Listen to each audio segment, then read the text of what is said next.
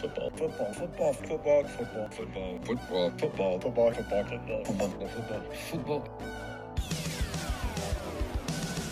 It's the football, football, football, and sometimes other sport show. Here's your host, AJ Nicoletti. What up? FFFSOSS.com at FFFSOSS. Twitter, Instagram, twitch.tv slash AJ Nick. Three big show for this Tuesday program. Tempers flaring in the Premier League across nearly all the games. I mean, I got a list here of uh, what do we got? What do we got? One, two, three, four, five, six, six of the ten games had a little bit of uh, a little bit of an interesting, um, maybe some dust ups, maybe some altercations.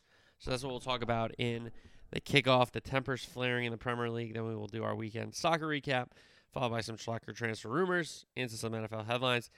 College Football AP Top 25 poll reaction, and then we'll finish it off with some PGA Tour FedEx Cup playoffs. How about my boy Will Zalatoris? That was a great, great win. So we'll end the show on that note. Okay, again, the schedule for college football and NFL on this program.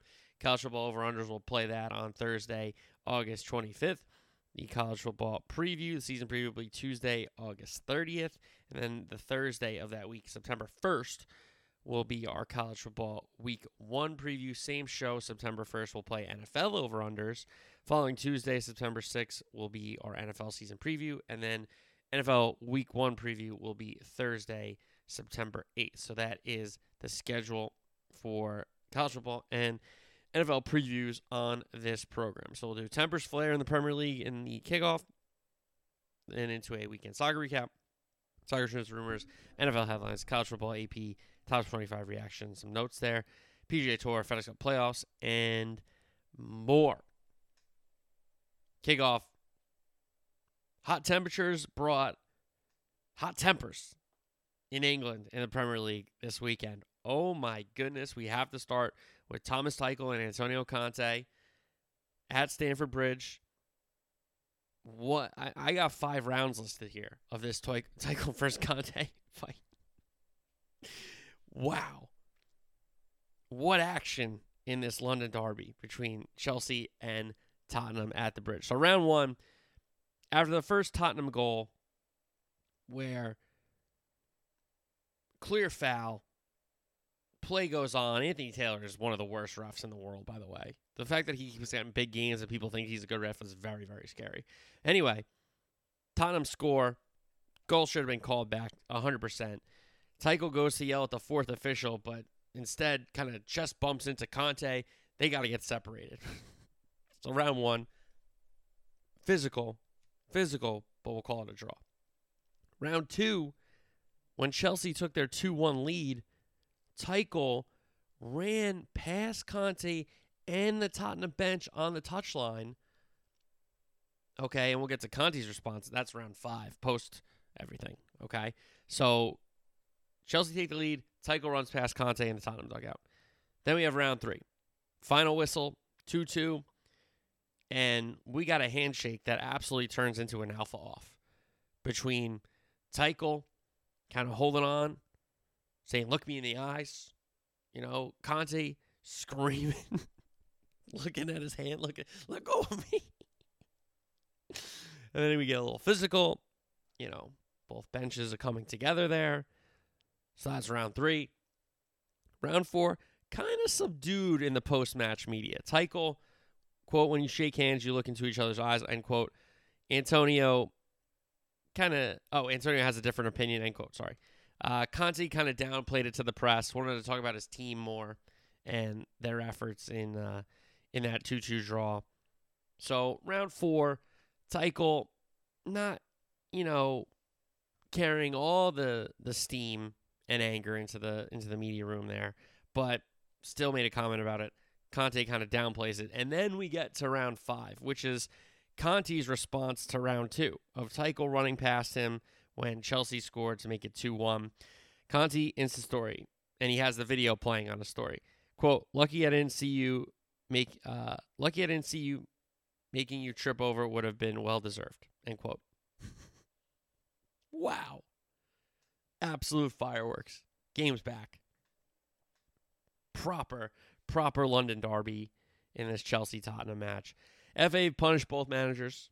Uh, not shocking. Taylor red carded both of them at the end there, which he's such a bad ref. It's unbelievable. Um, so we had Tuchel against Conte. You really haven't seen. I mean, yeah, you saw Jose Jose Sa and uh, Jesse Marsch get into it on match day one a little bit there. You know, but since Mourinho left, Conte's now back, but he was gone for a while there. Um, Pep does get a little fired up sometimes. Obviously, Klopp gets fired up. Arteta can get a little fired up. Um, we've seen him and Klopp have a dust up or two. So, um, but this Tuchel Conte, we got a proper feud in Chelsea and Tottenham, and you know Arsenal definitely will have something to say about top four. I just think their team's pretty good, but these three London clubs they are going to be some proper, proper. The return leg in this match from when Chelsea's has to go to Tottenham Hotspur Stadium. Wow. That is going to be fiery in the second half of the season. So I I can't wait for that. But before the Kane equalizer, you know, that was about the managers. How about the players? Well, is matched up with Romero. Romero grabs his hair, rips it backwards, right in front of Anthony Taylor, by the way, who they review it, they say no red card. I don't know how it's not. But anyway, Mendy makes a save on that corner. Tottenham get another corner. Kane equalizes 2 2. And that's the story of your ball game there. So we had Cucurella and Romero the players in that Chelsea Tottenham game, but more famously, we had Tuchel and Conte, which really did numbers on social media. How about Monday? Darwin Nunez, who was getting frustrated with Paul Tierney's officiating in the match. You could tell. Uh, Liverpool thought they might have had two penalties, to be honest, between a couple handballs, but they got none of them. And it, it really, they weren't even like looked at and reviewed. It just kind of seemed that they just went on with the play right away, and they were like, Paul Tierney had a great view on it. Not going to happen. So Nunez clearly frustrated. You know, the center back Anderson from Crystal Palace gives him a little push. Nunez kind of fakes uh, a headbutt. They separate. They come back together, and then Nunez headbutts him, and it's a straight red. It has to be a straight red. I'm not. I'm not here to argue whether whether it's a red or not, but he's got to learn to keep his cool. But his temper listen, you know, Sadio Mane, a lot of center backs and and holding sixes really tried to get at Sadio when he was with Liverpool, you know, upset him, get him to play a little unhinged. But it only took two games for Nunez to get a red card after being coming unhinged. So he's got to mature a little bit. And I understand, you know, people are saying you can't take the fire out of the Uruguayans. I, listen, that's not what I'm saying. But you can't get sent off when your team's down 1 0. Cannot do that. So Nunez sent off for a headbutt against uh, Joachim Andersen, Crystal Palace's uh, center back there. Then we had Pep furious with Bournemouth. Um, Smith, one of their defenders, with two pretty hard fouls. Didn't get carded for the first one, just a two handed shove of Grealish in the back when the ball was coming to Grealish. So no card there. I didn't really get that. That should have been a card for me when you like deliberately and maliciously foul somebody like that, I think I feel like that should have been a card. But then since he didn't have a card, then he has a crunching tackle on another City player, and Pep was fuming again. And then that carried into the final whistle where some of the City players and Pep went up to confront Smith, and he was like, ah, "Get out of here!" And you know, it kind of a little coming together there between Pep Guardiola's City and Bournemouth. Then we got Ronaldo for Man U. Doesn't say anything to the manager. Fuming walking off the pitch after the embarrassing loss, the 4 0 to Brentford at um in London. So Ronaldo clearly upset. And listen, after they conceded the two goals that were big mistakes, the camera cuts Ronaldo, and it wasn't like he was sulking. He was trying to, you know, um, lead the troops and say, "Hey, we got to get better," and you know, we get the next goal, we're back in it. So I didn't necessarily hate Ronaldo's attitude, and I can understand his perspective after the match of just being like, "What are we doing here? You know, what are we doing?" So Ronaldo fuming, walking off the pitch after that embarrassing loss. And then we got some more dust ups. How about in the Newcastle Brighton game? A nil nil, but still an exciting one. Uh, Joelinton and Solly March with a dust up on the far sideline. Both guys kind of getting into it, um, which was like it, it popped off. Then it kind of settled down. They said some more words. Ref talks to them. They shake hands and move on. That's, that's some good stuff. You, you like to see that. You know, a little fire. Um, but nobody, you know, sent off. Nothing. No, no maliciousness, no violence or anything. Just you know, coming together, a little dust up, as they say. So that was uh, Newcastle Brighton. And then in Wolves Fulham, the other goalless draw on uh, Saturday. Gibbs White, who could be on the move to um, Forest, but was in the Wolves team on Saturday. Mitrovic pulls him down on a counter. Um, kind of doesn't let him get up. So Gibbs White gets up and yells at him. Mitrovic, you know, goes back at him. They get a little shoving match there. Referee right there to stop the play, which was pretty funny. So um, we got some shoving matches. We got some. We got a red card in the Liverpool game with Nunez there with the headbutt. Um, we got managers upset with some people. We got managers upset with each other. Um, I'll tell you right now, Tuchel versus Conte, that was awesome. That was awesome. That was a proper 2 2 derby. A London derby, a classic, classic match. That was great. So, with the temperatures heating up in England, again this summer. The tempers certainly flared in the Premier League over the weekend. Wow. Some some really really awesome matches, some big big moments. So, the tempers, the anger, the aggression, um, kind of that side of your brain was heated up in England over the weekend. All right, speaking of the weekend, let's get into our weekend soccer recap. We start in the EPL first game on Saturday was at Villa Park with Steven Gerrard's Villa facing off against Frank Lampard's Everton. Villa won it 2 1. Danny Ings, Buendia, the two goals for Villa.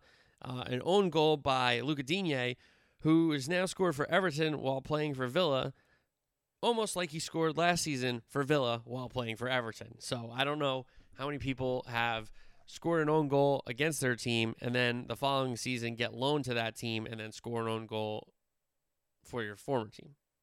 Wild, wild stuff in the Prem. Um, so a big result for Villa to get their first win of the season. Arsenal, Leicester City. Arsenal win at 4-2. Gabby Jesus, a brace, a brilliant chip um, for the first goal, I believe. And then an own goal by Saliba brought Leicester back in it. PK got awarded to Leicester City, but VAR then said no. Xhaka got Arsenal's third. Maddison answered with Leicester City's second to make it 3 2, but then Martinelli put the icing on the cake for Arteta's men. Good goal for Martinelli. Arsenal win it 4 2, six points from two games for the Arsenal. Brighton Newcastle nil nil. I thought this would have been a better match. I thought it would have been a lot more um, scoring chances. But again, Brighton at home, they don't necessarily have to come out of their shell or the way they play you know? So I thought Newcastle might have scored first and dictated the pace, and then Brighton would have had to come out and, and play them. But no goals between those sides, Brighton and Newcastle. City and Bournemouth. City went at 4 0. Gundogan, De Bruyne, Foden, and then an own goal for the fourth. The first one, um, ball played into Haaland unbelievable job of hold up play and, and on the turn he gets it to Gundogan. Great finish by Gundogan, the new captain by the way. So that was one 0 Then the second goal. I mean Kevin De Bruyne. Week in and week out, he just proves how right I am about him being the best player in the world. He really is. I don't care what anyone says. I know, you know, we're kind of out of the Leo Ronaldo era. We're, we're coming out of it. And who's the best player? You know, people say Mo or, or maybe Sadio or Lewandowski. I'm telling you right now, it's Kevin De Bruyne. It's always going to be Kevin De Bruyne for me. His goal on Saturday, the driving run, the kind of chop steps to break down the defender to create the space, cuts it inside, outside of his right foot. Brilliant finish. I mean, absolutely brilliant finish by Kevin De Bruyne. Then Foden gets a good goal for him, and then the own goal was the fourth. So City six points from six available. Southampton Leeds. Well, this time around for Leeds, it was their turn to blow a 2 0 lead and eventually um, split the match, right? So 2 2. Rodrigo had a brace to open it up, but Aribo and then Walker Peters, the goals for Hasenhüttl Southampton to split the points at St. Mary's. Wolves Fulham, the other 0 0 over the weekend. PK was awarded to Mitrovic, who scored two goals against Liverpool, one being a PK on match day one, but this one was saved. Big save by Jose Sa. Give him some credit.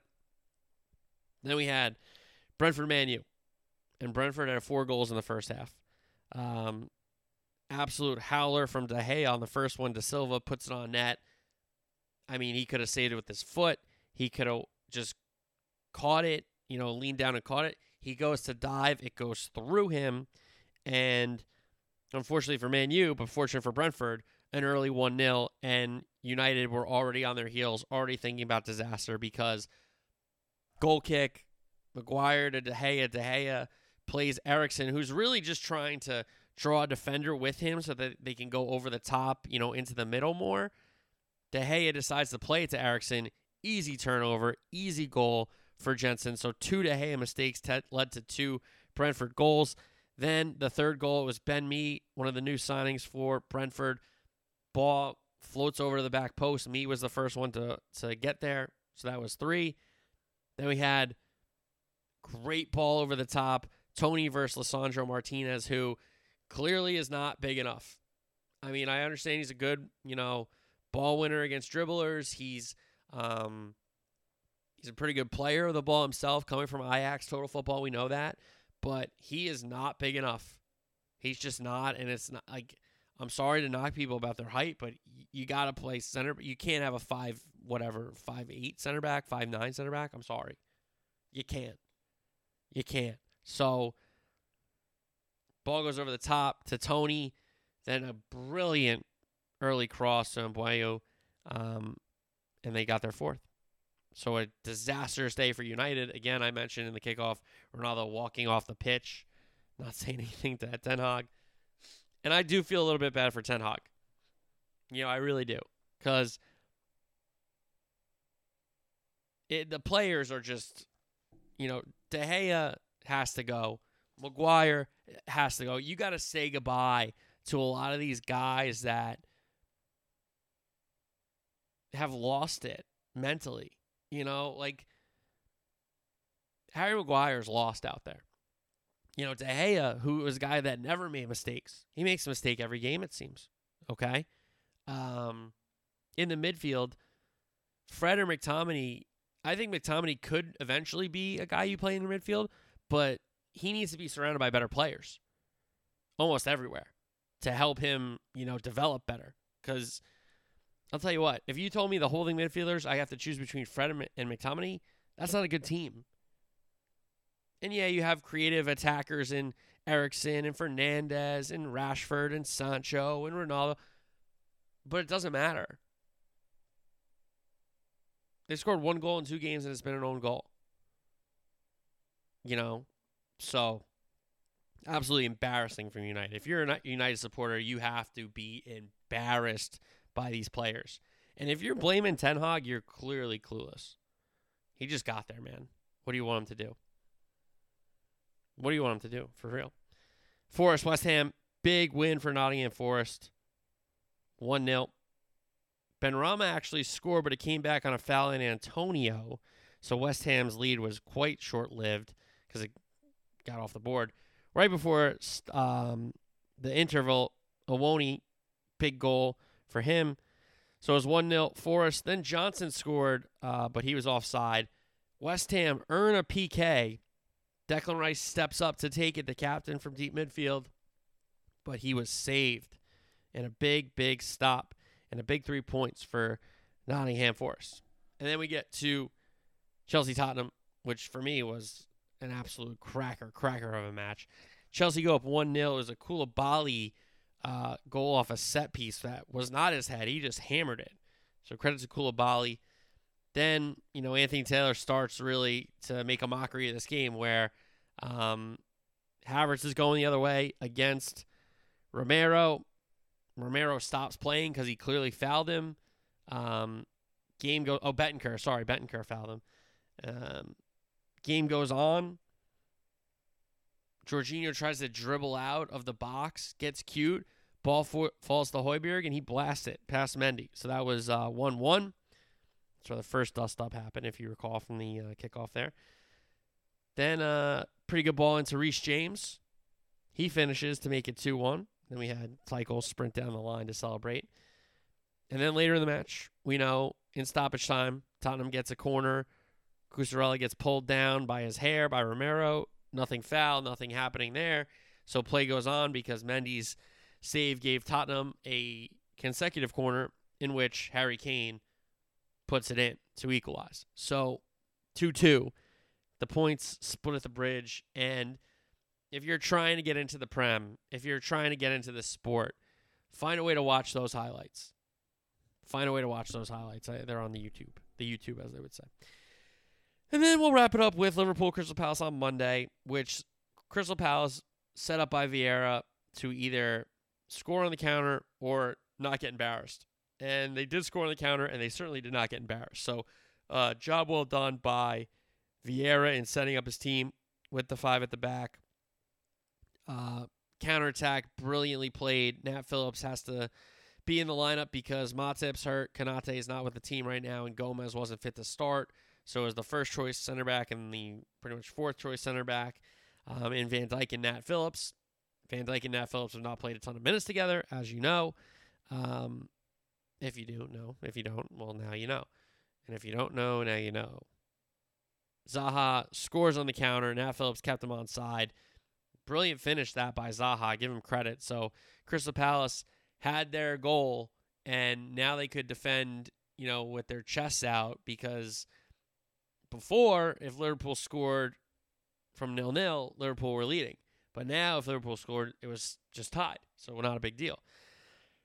Nunez gets that red card. And honestly, Liverpool had dominated this game. I think they had 75% possession at half. They had 17 shots to four, I believe. Guaita was doing well, making some saves, but a lot of chances were wide. Nunez then gets that red card, and he better buy his South American uh, comrade some dinner tonight on the Merseyside. Luis Diaz saves a point for Liverpool. A brilliant solo effort of cutting in, faking a shot, cutting in some more, and then releasing a brilliant, brilliant strike to level the sides. The Colombian, who wasn't making the biggest impact of the game at that point, started to and showed how good he was um, on the night. And then Liverpool did look like they could win it with 10 men, did not get a second. They didn't allow Crystal Palace to get a second, so the points split at Anfield. So two games for Liverpool, two draws. Not the season the Kopites would have thought um, would have happened. And then the next match we know is next Monday. Man U hosting Liverpool at Old Trafford, and that will be appointment television. Sorry, not television, appointment app watching because it's on Peacock.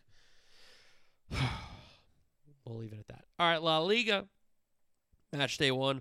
Barcelona and Rayo Vallecano, a nil-nil goalless draw for Barcelona. Started a lot of new signings. Some of the new signings also got subbed in. Uh, Busquets had two yellow cards and got sent off, so that's really the only uh, thing of note from this match for me. Almeria, Real Madrid. Madrid went down 1 0. Vazquez scored to make it 1 1. And then David Alaba came on as a substitute. And with his first touch of the match was a left footed free kick golazo that ended up being the winner. So David Alaba, instant impact for Carlo Ancelotti making that big call. And Madrid win match day one, 2 1. Getafe and Atletico on Monday.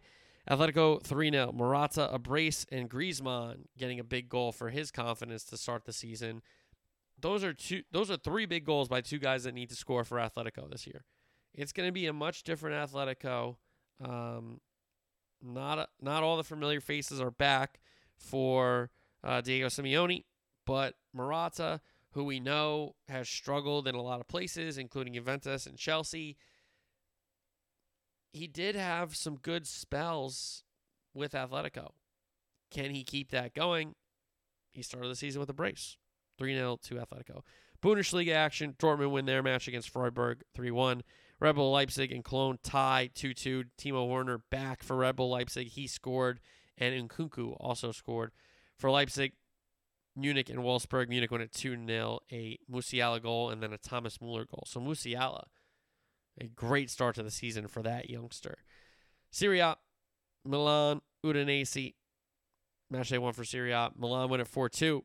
Theo Hernandez, PK, Rebic, then Brahimi Diaz, and then Rebic for his brace. Lecce and Inter, 2 1. Inter win it, and Lukaku back for Inter, back scoring goals.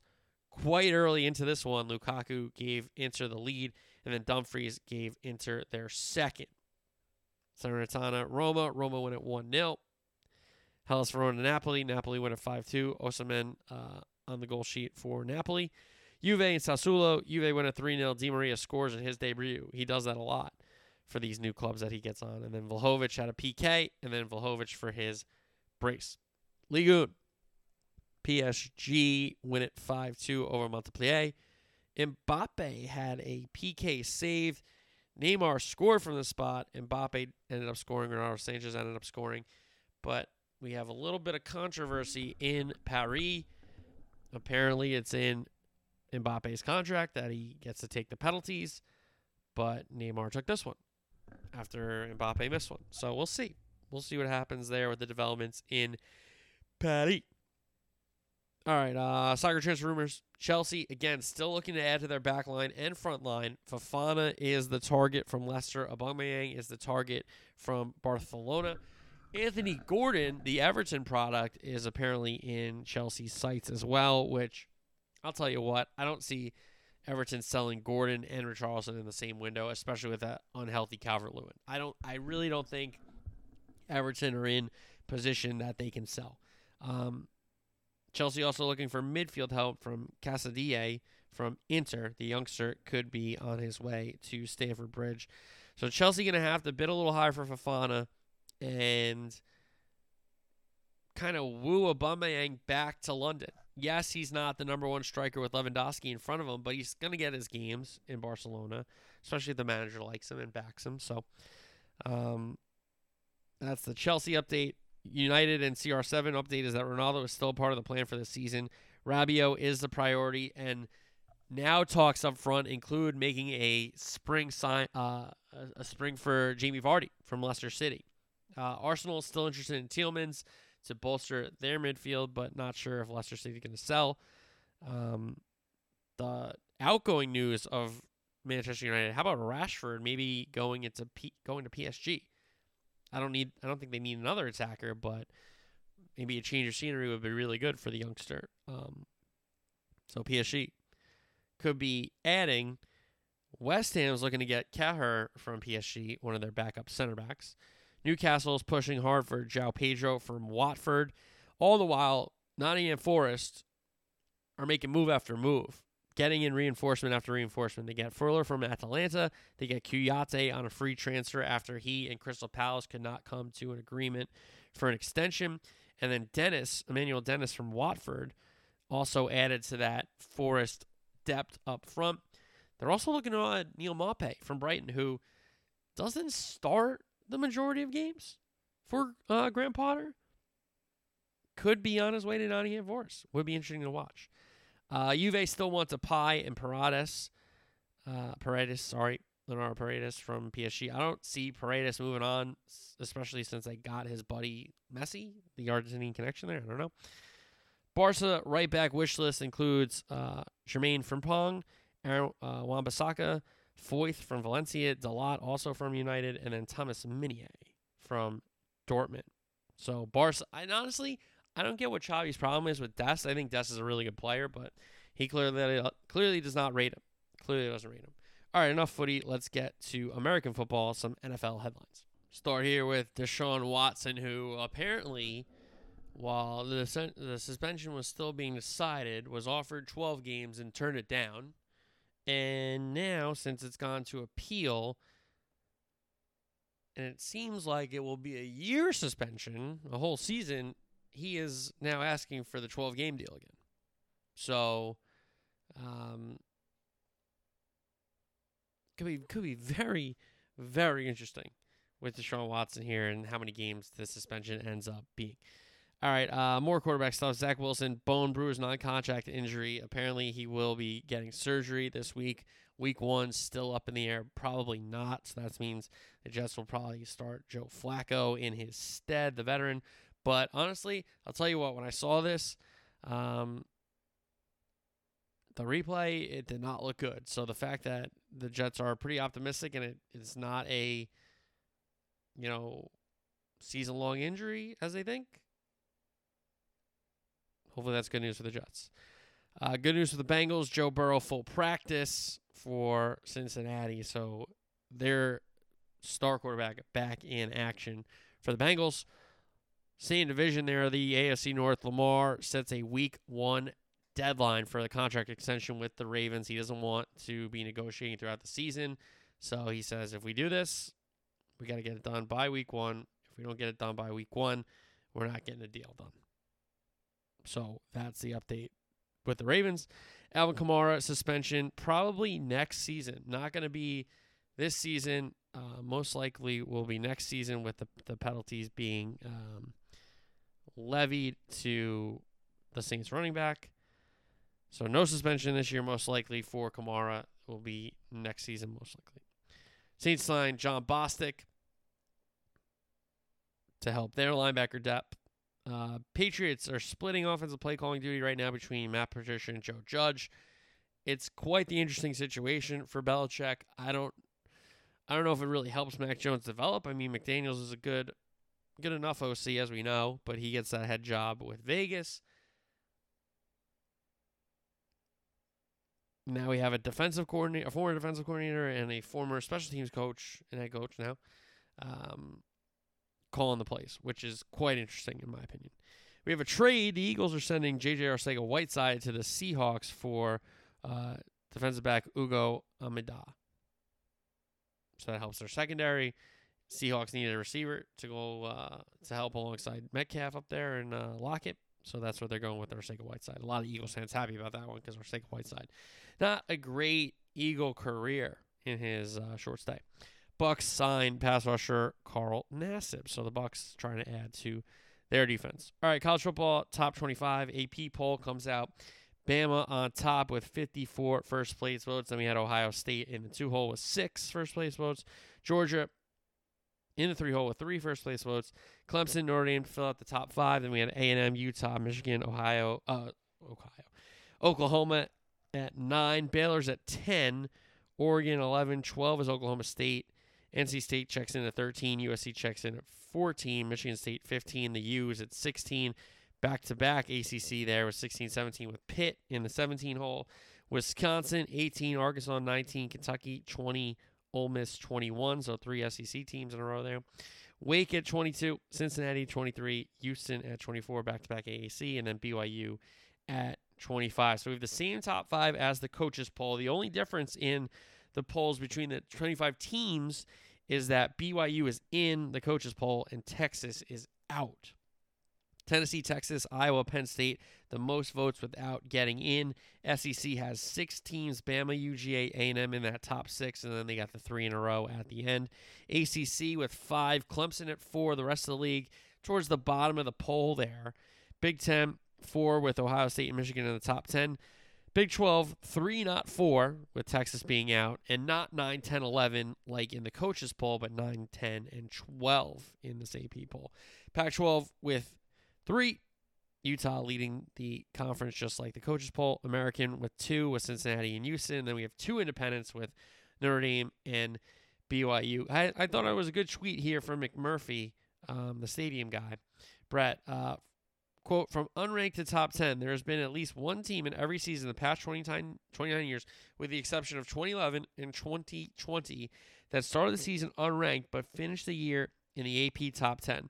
La- uh, which unranked team will do it this year? Last year, Michigan, Baylor, and Michigan State did so. So three teams last season uh, were not ranked and ended up being in the top 10. So we're getting closer and closer to college football. The polls are out. So now we have everybody arguing about the polls and stuff. So very exciting stuff with football just around the corner. Golf now. FedEx Cup. Zalatoris wins the first playoff event, the FedEx St. Jude Championship down there TPC Southwind in a three hole playoff over Sepp Straka. I mean, the putt on the 72nd, you know, what are they going to say now as it goes in? Big emotional uh, roar there from Zalatoris. Gets in the playoff, makes a big putt to continue the playoff. And then on the third playoff hole, his tee shot somehow stays up on the rocks at the par 3 11th. Sepp Straka ends up in the water. He puts his third over into the bunker, so Zalatoris doesn't necessarily have to play this shot that's nearly looks embedded in the rocks.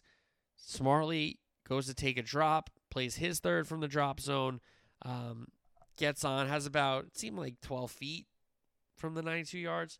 Straka had about six feet for his five. Zalatoris makes his four, wins the tournament. Um, and it, it's really good for Will because Will deserved a win this year, um, especially in a big tournament, not like one of these rinky dink ones, but a big tournament after he's been so close in some majors over the last two campaigns. Listen, the kid can play.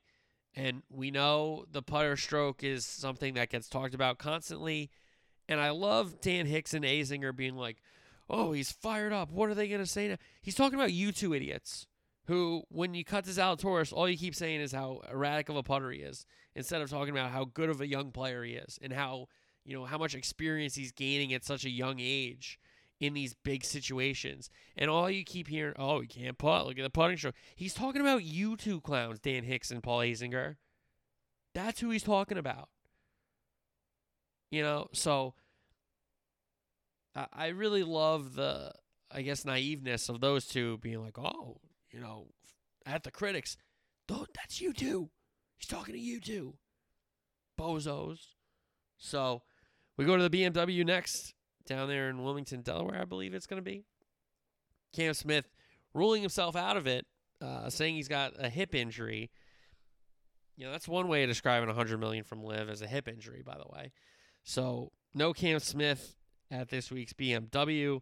Um, I think he has enough points to get into the top 30 for next week anyway, but he's not playing in this tournament nonetheless. So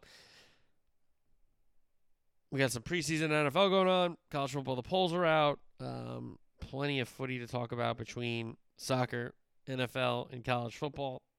We got the golf, the season winding down. I'm sure there will be more LIV things to talk about with Cam Smith now. I'm sure going because he's sitting out this tournament, which is kind of weird.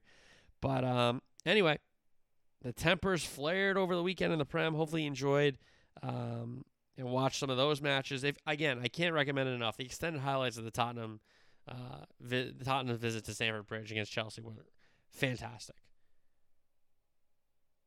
Amazing, amazing scenes between the coaches, between the player. What a great match! So go watch that if you haven't already. And um, Thursday, we'll look ahead to match day three in the Prem couple match day twos, a couple match day threes across the rest of Europe. I'm sure there'll be more NFL headlines, college football reaction, and we get ready for another golf tournament. So have a great week. I'll talk to you guys Thursday. Until then, peace.